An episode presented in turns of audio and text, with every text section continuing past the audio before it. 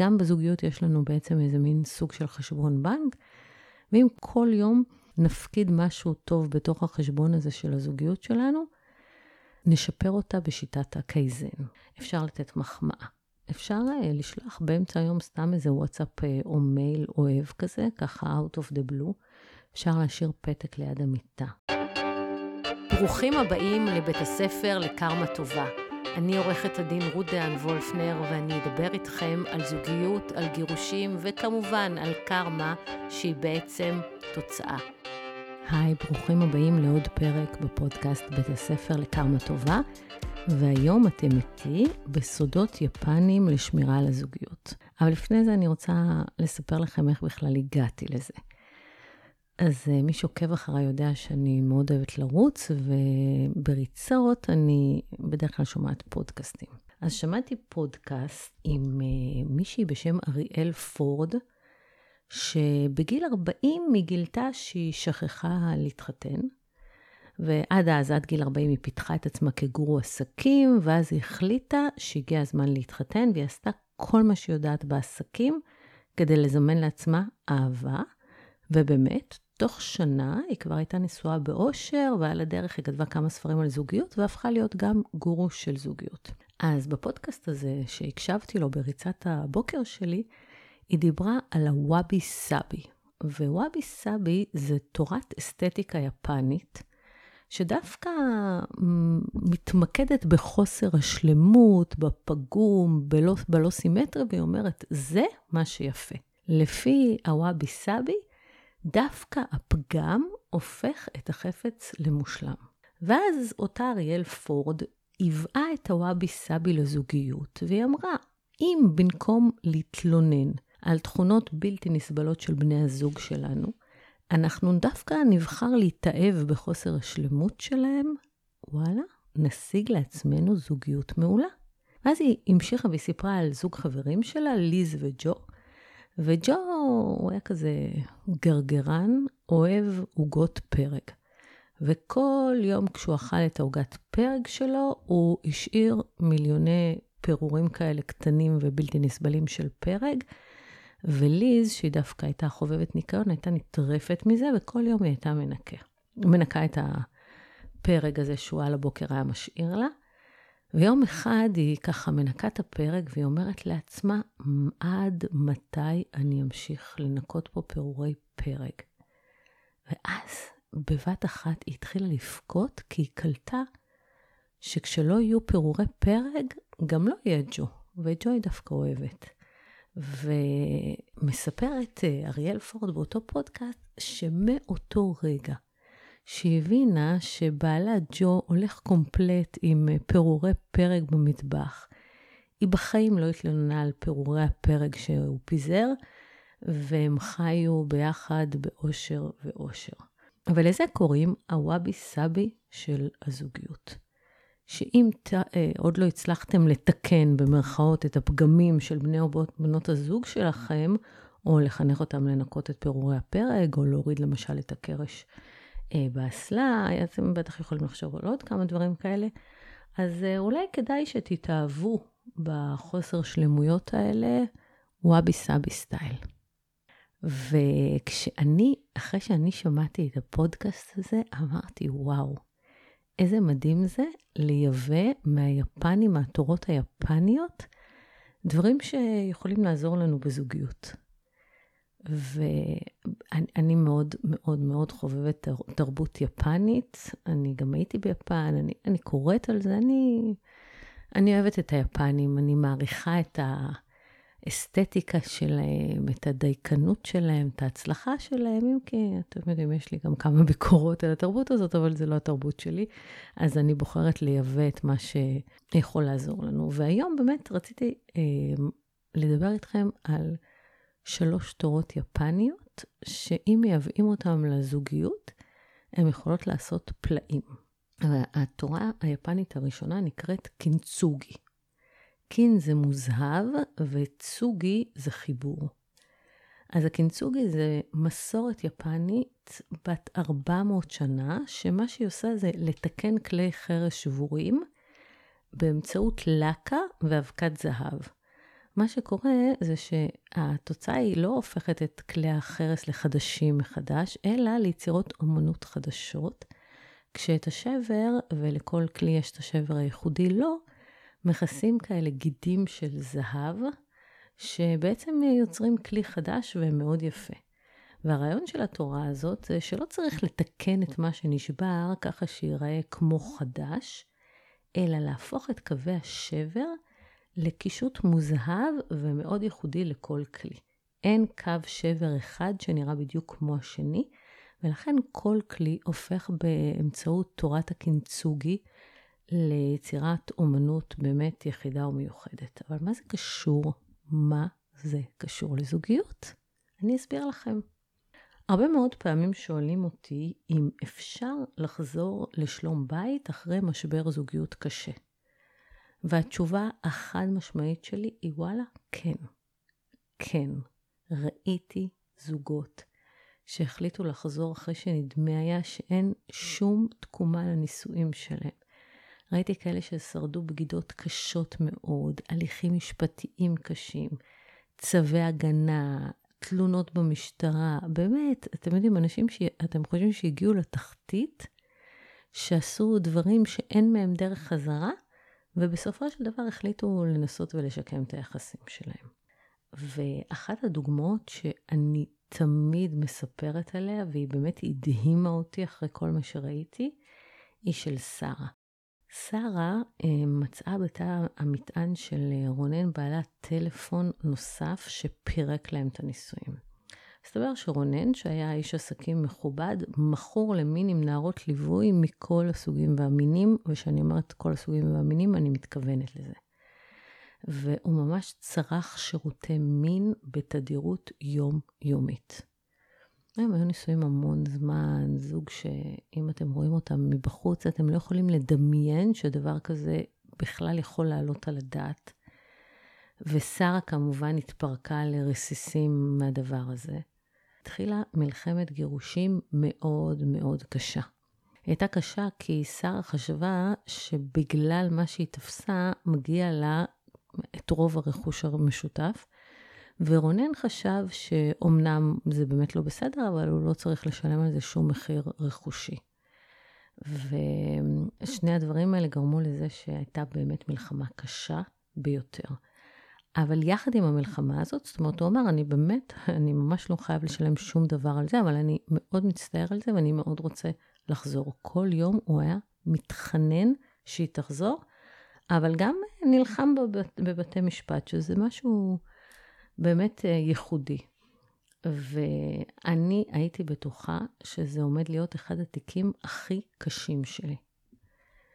באיזשהו שלב הם התחילו לדבר באמצעות uh, מגשרים, והדיבור היה בקשר להסכם uh, גירושים, קצת uh, נרגעו מהמלחמה, ואז בבת אחת הם חזרו. אני הייתי בהלם, תדהמה. ואמרתי לה, שרה, איך את יכולה לחזור אליו אחרי כל מה שאת יודעת, אחרי כל מה שהיה? והיא אמרה לי, תראי, אם הוא היה חולה במחלה קשה, אני הייתי מטפלת בו, נכון? לא הייתי נוטשת אותו אחרי כל השנים האלה. ולכן אני רואה בו במה שהוא עשה כמו מחלה. ההתמכרות שלו הזאת היא מחלה שצריך לטפל בה. ולכן אני לא אנטוש אותו, אני אטפל בו. ובזה בעצם היא פיזרה אבקת זהב על הסדקים של הנישואים שלהם.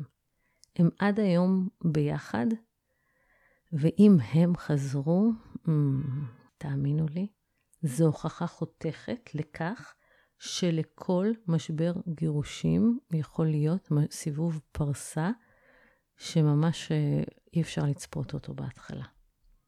אבל אנחנו בכלל בפרק על זוגיות, ולא חייבים להגיע למשבר גירושים. משברים הם חלק מכל זוגיות נורמלית. אחת הדרכים להתגבר על משבר היא להדחיק אותו, להעמיד פנים שהכל בסדר, הכל כמו חדש, לא קרה שום דבר. אמ, לפעמים זה עובד, אבל לפעמים הטכניקה הזאת של ההדחקה, היא יכולה לסכן את הקשר כי היא מחלישה אותו. משברים אה, מודחקים הם לא נעלמים, הם אה, נכנסים מתחת לפני השטח, ואז הם יכולים להתפרץ כמו הר געש בלי הכנה מוקדמת. וטכניקת הקינצ'וגי היפנית מציעה בעצם לאחות את השברים עם אבקת זהב. זאת אומרת, לא להתעלם מהמשבר וגם מהשבר שנוצר בעקבותיו, אלא לקבל אותו ולהבין שבזכות המשבר הזה הקשר ייחודי יותר, חזק יותר וחסין יותר. ולפי uh, תורת הקינצ'וגי, יש שלוש דרכים לאחות את הקשר. הדרך הראשונה היא אריגטו. אריגטו זה תודה ביפנית, ואם אנחנו מכירים תודה על הטוב וגם על הפחות טוב במערכת, זה בעצם כמו סוג של אבקת אה, זהב שיכולה לעזור לנו לאחות את השבר. כי אמנם הייתה מריבה מאוד גדולה, אבל אה, ברגע שאנחנו מכירים תודה, אנחנו בעצם מתמקדים במה כן טוב במערכת. כשאנחנו מתמקדים במה כן טוב, הפוקוס הוא על הטוב והמשבר מקבל פרופורציות אחרות, והוא הופך להיות קטן ושולי, ובעצם אה, כך מתגברים עליו. הדרך השל... השנייה נקראת סומי מסן. סומי מסן זה התנצלות ביפנית. וההתנצלות הזאת היא מטאפורה ללקיחת אחריות מצד אחד על החלק שלכם במשבר, להגיד סליחה, כי אין דבר כזה משבר שרק הצד השני גרם לו. ומצד שני, לסלוח על, ה... על זה שפגעו בכם. אתם יודעים את דעתי שסליחה אמיתית מתארת את הנפש, ועם נפש טהורה קל יותר לנהל קשר. יש לנו פרק שלם בפודקאסט על סליחה, מי שרוצה להעמיק בכך מוזמן uh, להאזין לו. והדרך השלישית לאחות את הקשר בטכניקה של הקינצ'וגי, זה מה שדיברנו עליו בהתחלה, הוואבי סאבי. זאת התורה הזאת של האסתטיקה היפנית, שמעלה על נס דווקא את החוסר שלמות, את הפגום, את הלא סימטרי. ואם במקום להתלונן על הפגמים והשברים, אנחנו נגיד, וואו, איזה יופי זה. איזה מדהימים אנחנו שאחרי כזה משבר אנחנו יכולים ללכת ביחד ולשבת על הבר ולשתות איזה כוס יין ולהירגע ולדבר. וכן, נכון, רבנו, אבל uh, זה בסדר, מותר לנו גם לריב. או אם אנחנו לוקחים את הפגם שיש בבן זוג או בבת הזוג שלנו שבגללו רבנו איתם, ואנחנו אומרים, וואלה, בסדר, אני אוהב אותו גם עם הפגם הזה, ככה, או כמו שהוא, כשהוא לא מושלם, או כמו שהיא, אז uh, זה מאוד מאוד עוזר לנו לפזר אבקת אה, זהב על השבר הזה. ולעזור לנו להתגבר עליו. ועכשיו נעבור לתורה היפנית השנייה, שאני ככה רוצה לאמץ לתוך הזוגיות, והיא נקראת קייזן. קייזן זה בעצם מילה יפנית שמחולקת לשניים, קאי זה שינוי וזן טוב, זאת אומרת שינוי לטובה. וזאת uh, תורה יפנית שפותחה אחרי מלחמת העולם הראשונה, והמטרה שלה הייתה בעצם לייעל את ההתנהלות של המפעלים, והדרך היא באמצעות צעדים קטנים ומתמידים לשיפור. אם כל יום נשאף להיות קצת יותר טובים ממה שהיינו אתמול, נמצא את עצמנו בסוף השנה הרבה יותר טובים מאיך שהתחלנו. והדגש הוא באמת על צעדים קטנים של שיפור מתמיד, שאתם לא מתחרים באף אחד, אלא רק רוצים להיות קצת יותר טובים מאיך שהייתם אתמול. התורה הזאת אומצה בחום במערב, למשל, אה, אה, יש את הספר הרגלים אטומיים של ג'יימס קליר, והוא אומר שאם נשתפר ב-1% ביום, ניצור בשנה שינוי עצום, שזה בעצם קייזן בסגנון אמריקאי. אבל שוב פעם נחזור לשאלה, איך מאמצים קייזן לזוגיות? אז באמת, כדי לשפר את הזוגיות ולפזר אבקת זהב על הסדקים, תעשו כל יום משהו קטן למען הזוגיות שלכם.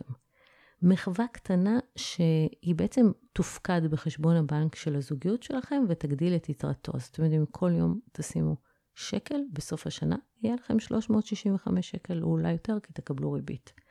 אז גם בזוגיות יש לנו בעצם איזה מין סוג של חשבון בנק, ואם כל יום נעשה בו הפקדות קטנות, דרך אגב, מריבה מושכת את חלק גדול מהיתרה, אז תשימו לב, אבל כל יום נפקיד משהו טוב בתוך החשבון הזה של הזוגיות שלנו, נשפר אותה בשיטת הקייזן.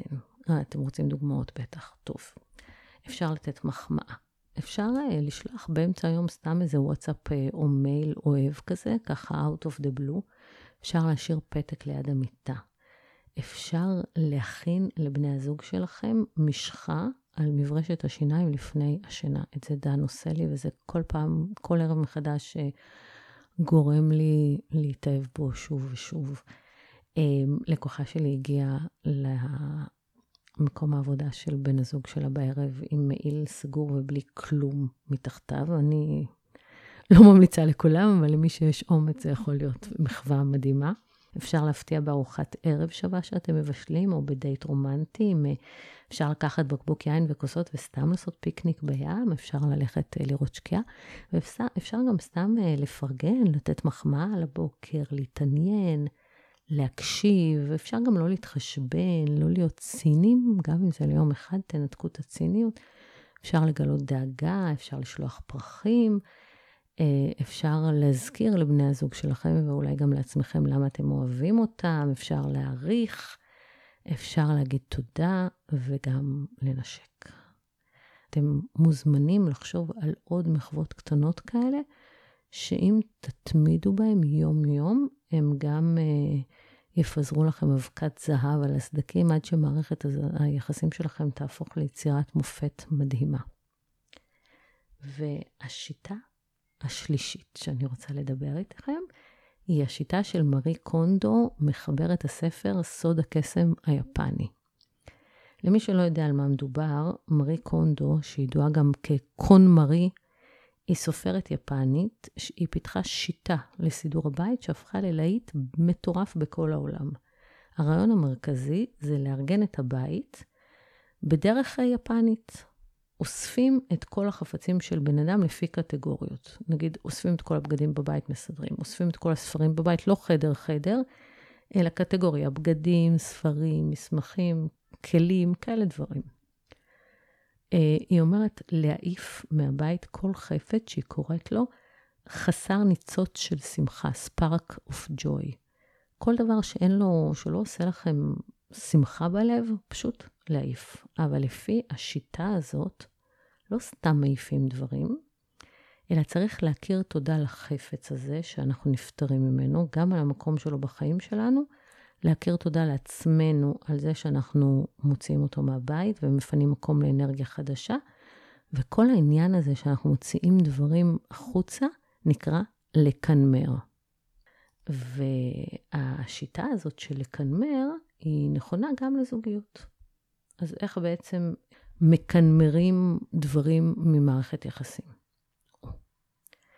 כדי להצליח אה, לנהל מערכת יחסים טובה, וגם בכלל כדי להצליח באופן כללי, מומלץ לקנמר את כל מה שלא נכון לנו אנרגטית. כאילו, מה זה אומר ניצוץ של שמחה? אה, בגדים או חפצים או תכונות או התנהגויות, הם לא, אין להם עליהם למעלה איזשהם ניצוצות, אבל אנחנו מרגישים. יש דברים שפשוט אפשר להרגיש עליהם אם הם משמחים אותנו או שהם סתם כבדים עלינו בנשמה. ואפשר להתחיל באמת עם סדר פנימי ולקנמר דפוסי התנהגות שעושים נזק גם לנו עצמנו וגם לזוגיות שלנו. אני יכולה למשל לתת לכם דוגמאות, לקנמר את עמדת הקורבן, לקנמר אה, תלותיות, דחיינות, שתלטנות, אובססיביות, שמירת טינה, אה, חוסר יכולת להכיל ולהקשיב, כל אלה זה התנהגויות שהן לא מדליקות אה, ניצות של שמחה, לא אצלכם, וממש לא אצל בני הזוג שלכם, ובאמת, אם אתם רוצים מערכת יחסים טובה, תקנמרו אותם. אני יודעת שזה לא פשוט. הרבה פעמים אנחנו מנסים להיפטר מהרגלים רעים ולא מצליחים, וגם אם אנחנו נקרא לזה שאנחנו מקנמרים עכשיו, לא בטוח שנצליח. אבל כאן אנחנו יכולים להכניס אה, לתמונה את הקייזן. כל יום להשתפר קצת. ויש כמה דברים שאני רוצה להמליץ לכם ספציפית לקנמר מהחיים שלכם. הדבר הראשון זה לקנמר איומי גירושים. אם אתם לא מעוניינים להתגרש, אל תאיימו בגירושים. זאת אחת העצות הכי משמעותיות שכדאי לכם לאמץ לחיים שלכם, אלא אם כן אתם uh, סבבה לגמרי עם גירושים, או שאתם אדישים לזה. אם אתם לא באמת רוצים להתגרש, תפסיקו לאיים. עכשיו, אני אומרת את זה כי הרבה מאוד זוגות אימצו, שניהם או לפעמים אחד מהם, את איום הגירושים אל תוך התרבות הזוגית שלהם. והם אה, נוהגים לאיים בגירושים או בפרידה, מחר אני ברבנות, מחר אני פותח תיק, מחר אני פותחת תיק. באמת, בכל מריבה. היו לי אפילו זוג חברים שהיא כל פעם הייתה אומרת לו, מחר אני אצל רות. באמת, זה מיותר. האיום הזה, גם אם הוא נאמר בשעת כעס, וגם אם בכלל לא התכוונתם לזה, תדעו לכם שהוא הכניס לכם את אופציית הגירושים למיטה.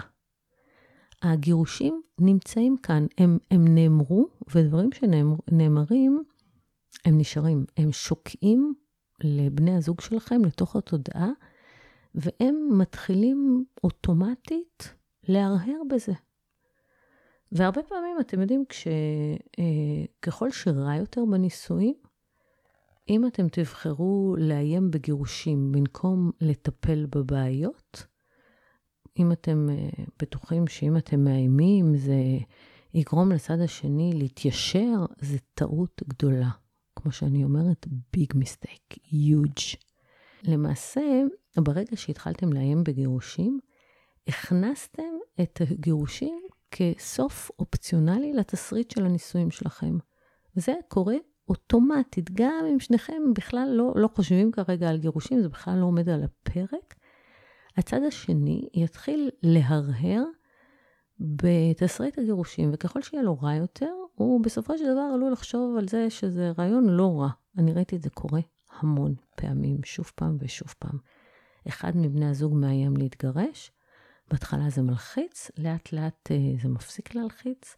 באיזשהו שלב אתם יכולים למצוא את עצמכם כשבן או בת הזוג שלכם אומרים לכם, אתם יודעים מה? מתגרשים. ואז אז אתם תתחננו, כי הרי אתם לא התכוונתם. אז תקנמרו עוד היום את הקטע הזה של איומי גירושים מתוך הלקסיקון הזוגי שלכם. הדבר הבא שאני רוצה להמליץ לכם לקנמר, זה לקנמר ביקורת לא מקדמת. ביקורת לא מקדמת זה ביקורת כזאת אה, עוקצנית, שהמטרה שלה זה להדגיש את הפגמים של, של בן או בת הזוג שלכם, ולא באמת מעודדת לשפר. הביקורת הזאת נועדה לפגוע, והיא בעצם טפטוף של רע לתוך הנישואים. כאילו, לפעמים זה דברים קטנים כאלה. אני הערתי לו על הקרש של השירותים ועל הבגדים שהוא זורק על הרצפה, הוא לא מקשיב לי. אמ, אני כל היום אומר לה, את לא זוכרת איפה את שמה כל דבר, אבל במצטבר, ההערות האלה יכולות להרוס לכם את החיים. וכל פעם שאתם אה, מעבירים ביקורת, גם על בני הזוג שלכם וגם לא פחות על בני המשפחה שלכם, תבדקו טוב טוב אם הביקורת הזאת מתקבלת בקשב או שהיא נדחית, זאת אומרת שהם מורידים מסך, לא מקשיבים, ואז זה הופך לביקורת רעילה. וגם אה, ביקורות קטנות כאלה, אם הן חוזרות ונשנות, הן יכולות להרוס לכם את, הזיגו, את הנישואים. הייתה לי אה, חברה שאמרה לי, תקשיבי, נמאס לי ממנו, כי כל היום הוא מבקר אותי. את לא זוכרת מה את עושה, את לא זוכרת איפה המפתחות, את שוכחת דברים באוטו, מה קורה איתך, את לא יודעת מה קורה. ואז יום אחד היא אמרה לו, תקשיב, נכון, נכון, אני לא זוכרת איפה שמתי את המפתחות ואני שוכחת דברים באוטו, אבל אני זוכרת את מערכת השעות של כל שלושת הילדים שלנו, באיזה חוג כל אחד באיזה יום, מתי יום הולדת של אימא שלך. אני זוכרת לקנות פרחים לכולם, ואני זוכרת הרבה מאוד דברים שאתה לא זוכר. ואני לא אומרת לך כל היום למה אתה לא זוכר את זה, אז די. ובאמת, אה, הוא הפסיק. אם הוא לא היה מפסיק, זה היה מכניס מלא רע לתוך הנישואים שלה, ויכול להיות שהם היו מתגרשים בסוף. אה, הקטע הזה עם הביקורות הקטנות האלה, שמה שאנחנו מתמקדים בו גדל. איפה שאנחנו שמים את הפוקוס, זה גדל. אז אם אנחנו שמים את הפוקוס בפגמים של בני הזוג שלנו, במקום ביתרונות, אנחנו בעצם הופכים את הפגמים הקטנים האלה למרכז העניינים ומעצימים אותם פי 700. זה לא רעיון טוב. אז באמת יש כמה דרכים לקנמר ביקורות. הדרך הראשונה היא, כמו שאמרתי, להתמקד בדברים הטובים או ביתרונות. למשל, אה, במקום לראות שהוא לא הרים את הקרש בשירותים, תזכרי שהייתה סתימה בשירותים ושהכול הוצף, הוא תיקן אותה והזמין אינסטלטור ונשאר איתו. וכמו שאמרתי לכם על החברה הזאת, שהיא לא זוכרת איפה שמה את המפתחות של האוטו, אז uh, ברגע שהיא אמרה לו, ותראה כמה דברים אני כן זוכרת, uh, הוא פתאום התחיל להתמקד בזה, וזה הציל להם את הנישואים. הדרך השנייה uh, לקנמר ביקורות זה למזער ציפיות. בכלל, להפחית, הפחתת ציפיות היא טכניקת קסם למזעור קונפליקטים. אם למשל את לא מצפה מבעלך להוריד את הקרש בשירותים, כמו שהוא לא מצפה ממך שתרימי אותו, אז אין אכזבה. אם אני לא מצפה, אני לא מתאכזבת, ואם אני לא מתאכזבת, אני לא ממורמרת, ואולי אפילו אני גם אהיה מופתעת לטובה. אה, לפעמים ההחלטה לקנמר את החיים שלכם, להוציא מהם את כל הרעל, את כל הדברים השליליים, את כל האיומי גירושים, את כל ההתנהגויות ה... שאתם יודעים שהן עושות לכם רע, אה, היא יכולה לעשות מאוד מאוד טוב למערכת היחסים הזוגית ולפנות לכם מלא אנרגיה להשקיע בה. אבל לא תמיד זה מצליח. לפעמים אנחנו מנסים כל מה שאפשר בכל השפות, כולל ביפנית, ווואלה, שום דבר לא עוזר. ואם אנחנו מוצאים את עצמנו במערכת יחסים הרסנית, אובססיבית, ששואבת מאיתנו כל ניצוץ של שמחה, במקרים האלה אנחנו צריכים לאהוב את עצמנו ולא להישאר שם. זהו. אז בואו נסכם את הסודות היפנים לשמירת הזוגיות. הראשון זה קינצוגי, לאחות את השברים אבקת זהב, והזכרתי גם את הוואבי סאבי שעושה, שבעצם באמצעות זה שאנחנו מתאהבים בפגמים של בני או בנות הזוג שלנו, אנחנו מפזרים עליהם אבקת זהב. קייזן, זה התורה השנייה שדיברנו עליה, שהיא שיפורים מתמידים בחיים בכלל וגם בתוך הזוגיות. והשיטה של מארי קונדו, לקנמר מהחיים שלכם את כל מה שעושה לכם רע. זהו, אני מקווה שנהנתם. אם כן, אנו, אנא דרגו את הפרק הזה בספוטיפיי או באפל, ותשאירו ביקורת ככה שתעשו לי טוב על הנשמה. אה, אז זהו, שיהיה שבוע מעולה, ותודה רבה.